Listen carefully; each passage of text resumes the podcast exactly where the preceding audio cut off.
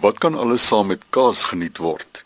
Diegene wat van die 28ste tot die 30ste April besoek aflê by die jaarlikse Suid-Afrikaanse Kaasfees op Sandringham net buite Stellenbosch, sal dit eerstehands kan beleef.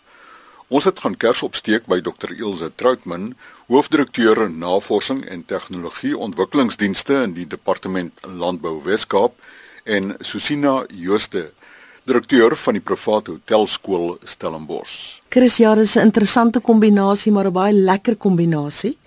Ehm um, die departement van landbou Wes-Kaap ehm um, is baie baie gefokus op werkskepping, waarde toevoeging.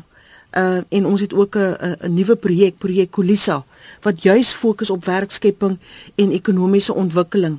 En een van die fokusareas van projek Kulisa is agriprosesering of verwerking.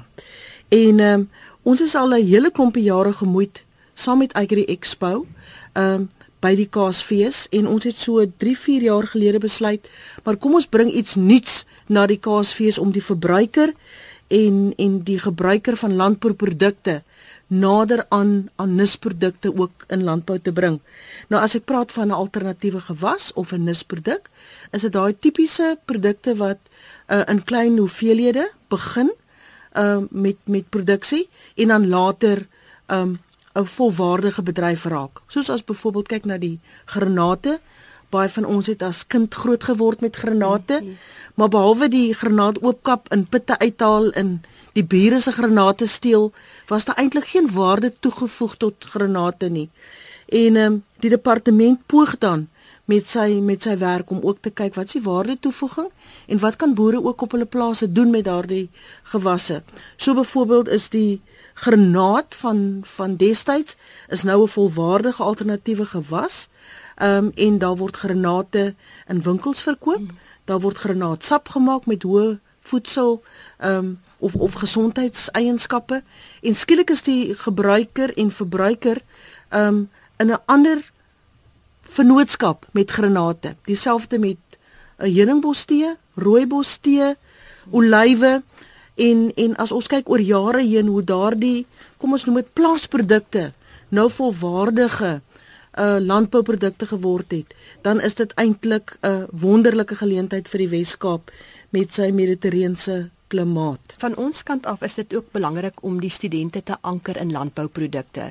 Baie min van ons studente kom deesdae van plase af en ek dink die uh, sirkel is voltooi. So studente moet teruggaan om met klein produkte, landbouprodukte te werk en dan moet hulle ook leer hoe om nuwe resepte te ontwikkel van presies wat Ilse nou verwys het na die granate byvoorbeeld.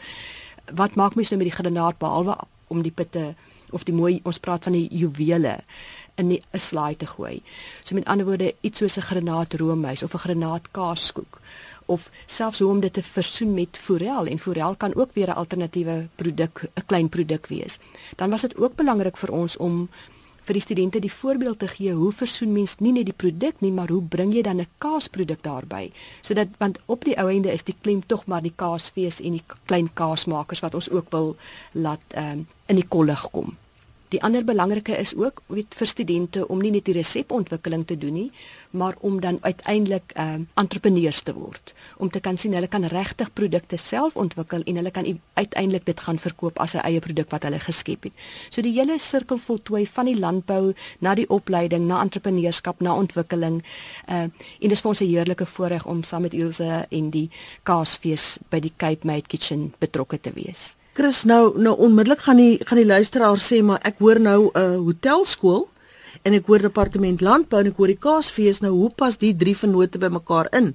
Die Weskaapse regering het natuurlik ook sy sy slagspreuk Better Together en uh, hierdie vennootskap is eintlik um, by die kaasfees tussen hierdie drie partye is eintlik 'n ongelooflike vennootskap. Um 3 jaar gelede toe besluit ons departement kom ons praat met die organiseerders van die Kaasfees Agri Expo en sê kom ons bring 'n paviljoen na die Kaasfees wat ons noem die Cape Made Paviljoen. Ons noem dit die Cape Made Paviljoen Taste Alternatives. En um, dit was ongelooflik suksesvol. Die ehm um, besoekers aan die Kaasfees het dit ongelooflik geniet om al daai nuwe nisprodukte en alternatiewe gewasse te sien. Maar tog het ons 'n gevoel gehad dat hulle nie lekker weet wat om nou daarmee te doen as hulle by die huis kom nie. En verlede jaar toe sê ons maar kom ons sit nog 'n stertjie aan hierdie paviljoen en ons noem dit die Cape Made Kitchen. En ons nooi toe vir vir Susina en haar skool, sowel as die Institute for Culinary Arts en ons sê vir hierdie twee skole bied vir ons vir 3 dae lank 3 sessies per dag aan waar jy hierdie alternatiewe gewasse die ikone maak van die dag, maar kombineer ons vir ons dit met kaas, want dis tog die fokus van die Kaasfees. En ons was verlede jaar so verras. Die Cape Made Kitchen het alle verwagtinge oortref. Ons het net plek gehad vir 30 persone per per sessie. En uh, hierdie jaar het ons gesê, hoekom nie? Kom ons doen dit weer. Ons gaan groter. Hierdie jaar is die is die ehm um, lokaal vir 50 mense. Susina van die Private Hotel Skool en haar span is vir vanjaar die die aanbieders van die 3 sessies by die Kaasfees. Ehm um, eintlik 9 sessies. Is elke dag 3 sessies, 3 sessies per dag. dag. Ja, 9 sessies oor die 3 dae. En regtig die uniekheid en die ja. innovasie wat ons verlede jaar gesien het van daardie jong studente en ook die absolute ongeloof ja. van die alternatiewe gewasse se produsente wat skielik sien maar o, hierdie produk wat ek produseer op my plaas kan in hierdie gereg ingaan en dit gee net 'n nuwe dinamika aan aan hierdie alternatiewe gewasse. Ons as departement is baie gefokus op marktoegang vir alternatiewe gewasse en ander landbouprodukte, maar ons wil ook kyk in hoe mate ons die hele waardeketting kan voltooi. So wanneer daardie persoon môre of oormôre in 'n supermark stap en weer daardie alternatiewe gewas sien, dan wil hy dit koop, nie net om te eet nie, maar ook deel te maak van sy hele kosmaak ervaring ja. in die kombuis. Ja. Wat vir my opvallend was verlede jaar nadat ons gewerk het met uh volstruisvleis wat hulle reeds verwerk het uh, en nadat ons dit gebruik het in geregte en uh, ons het spesifiek rondom ontbytgeregte gewerk met die volstruiskoue vleis, het een van die bywoners wat wat van die demonstrasie gegaan dit onmiddellik by die stalletjie gaan koop en terwyl ons nog besig was om reg te maak het sy teruggekom en gewys en gesê hier is die produkte nou wat ek gaan koop het want nou weet ek wat om daarmee te doen. En ek dink dit is heeltemal wat ons wou bereik om die, die produk op die rak te sien. Dis 'n nuwe produk en te wonder wat maak ek daarbey en verby te stap. Maar nou weet ek wat ek daarmee maak. Kyk, ons het ons spesifieke alternatiewe gewasse, dis maar 'n lysie wat ons oor jare opgebou het, Chris. Dis nou die olywe en die heuningbos tees, daardie klein bedrywe wat ons maar oor jare heen ook bedien. En ehm um, met die eerste ehm um, Cape Made Pavilion uitstalling 3 jaar gelede het ons daardie verskaffers maar bloot gekontak en gesê hier is 'n wonderlike geleentheid om jou produkte te kom uitstal die volumes was egter 'n probleem. Baie van die van die um klein produsente het nie genoeg volume om vir 3 volle dae by die kaasfees genoeg produkte te hê om te verkoop nie. Hulle het dan ingeskryf hulle hulle stalletjie en die departement van landbou daardie uitstallers dan ondersteun soos hulle vanjaar ook doen. So die departement is betrokke. Ons moet net 'n klimaat skep vir werkskepping. Die staat kan nie werk self skep nie. Ons moet dit lekker maak vir ander mense om werk te skep. En en hierdie forum wat ons nou geskep het, hierdie platform binne die Kaasfees vir hierdie alternatiewe produkte is vir ons 'n manier om te sê hier is meer wat ons met hierdie gewasse kan doen. En ehm um, ons het hierdie jaar was dit baie makliker om uitstallers te kry want so begin die die die momentum die, die momentum begin ja. opbou en ook sê die ouens maar ek het verlede jaar regtig goed gedoen met my produkte by die kaasfees of dit nou die volstruisvleis of die olywe of die die tee was. Ek het goed gedoen. Ek wil vanjaar weer daar wees. So ons probeer regtig met Susina se kombuis ook die platform vir hulle nog wyer maak by die kaasfees. Vir die persoon wat die kaasfees bywoon, raak dit nou baie opwindend en lekker ja. innoverend. Want uh, nie alleen kom ek nou my my kaas proe nie, maar ek kan nou ook 'n maatjie kry wat ek saam met kaas kan geniet. 'n mens moet altyd bewus wees dat baie van die besoekers wat na die Kaasfees toe kom, is stedelinge, mense wat nie op plase groot geword het nie. Mm. So daardie granaatervaring wat ons as kinders gehad ja. het, was dalk nie vir almal beskore nie. Sê ek dink wat mense ook moet sê is die mense wat reeds kaartjies het vir die Kaasfees, betaal nie vir hierdie demonstrasies nie. So hulle kom in, hulle sien hoe word die demonstrasies ge, of gedoen. Hulle proe, hulle kry proehapies van alles en ehm uh, dit dis teen geen addisionele koste.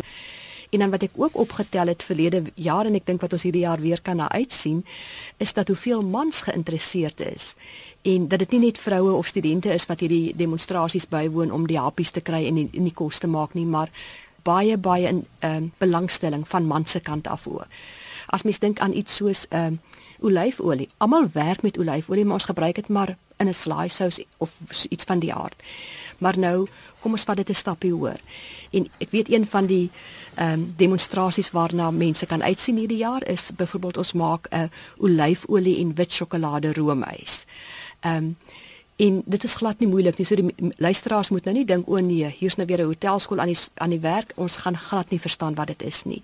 Die resepte is toeganklik vir die gewone persoon, maar dit is ook daar vir die kom ons sê nou maar die foodie wat darm iets anders wil doen as net weer 'n toebroodjie of net weer 'n slaai sous. So ons probeer regtig die balans hou tussen wat is baie maklik, wat is bietjie anders, wat is bietjie innoverend en ons werk rondom hierdie nuwe produkte wat uh, Ilse hulle vir ons geïdentifiseer het. Ilse na aanleiding van hierdie kaasfees, ehm um, het jy ondervinding dat daar dalk meer produsente deesdae toetree tot die alternatiewe gewasproduksie? Absoluut, absoluut. Ehm um, Chris, ons het ook 'n ander ehm um, alternatiewe gewasse arm wat ons ontwikkel en dit is ons alternatiewe gewasse navorsingsfonds. Ehm um, ons het in 2014 hierdie fonds uh, geloods van 3 miljoen rand en uh, dit is om hierdie klein bedrywe se navorsingsbehoeftes te ondersteun. En ons kan werklik elke jaar ons het nou die derde ronde van van navorsingsaansoeke gekry en ons kan werklik sien dat daar 'n geweldige stimulus is in hierdie kleiner bedrywe dat ehm um, boere begin diversifiseer ons klimaat laat ons toe om meer na alternatiewe gewasse te kyk en meer en meer produsente op plase sê maar wat kan ek nog op my plaas doen wat 'n ander gewas is wat ek kan plant, maar wat ek ook miskien op my plaas self kan verwerk. My eie olywe kan inmaak, my eie granate kan pas, my eie vye verwerk. So dit raak 'n regtige geleentheid vir boere om ook hierdie agri-prosesering waarvan ek gepraat het, reg aan die begin van die program nou op plaasvlak te doen. En dis eintlik waar die werkskepping lê. Namens Dr. Ilse Troutman, hoofdirekteur in die Departement Landbou Wes-Kaap, en Susina Jooste, direkteur van die private hotelskool Stellenbosch, geniet die kaas en bygeregte groete.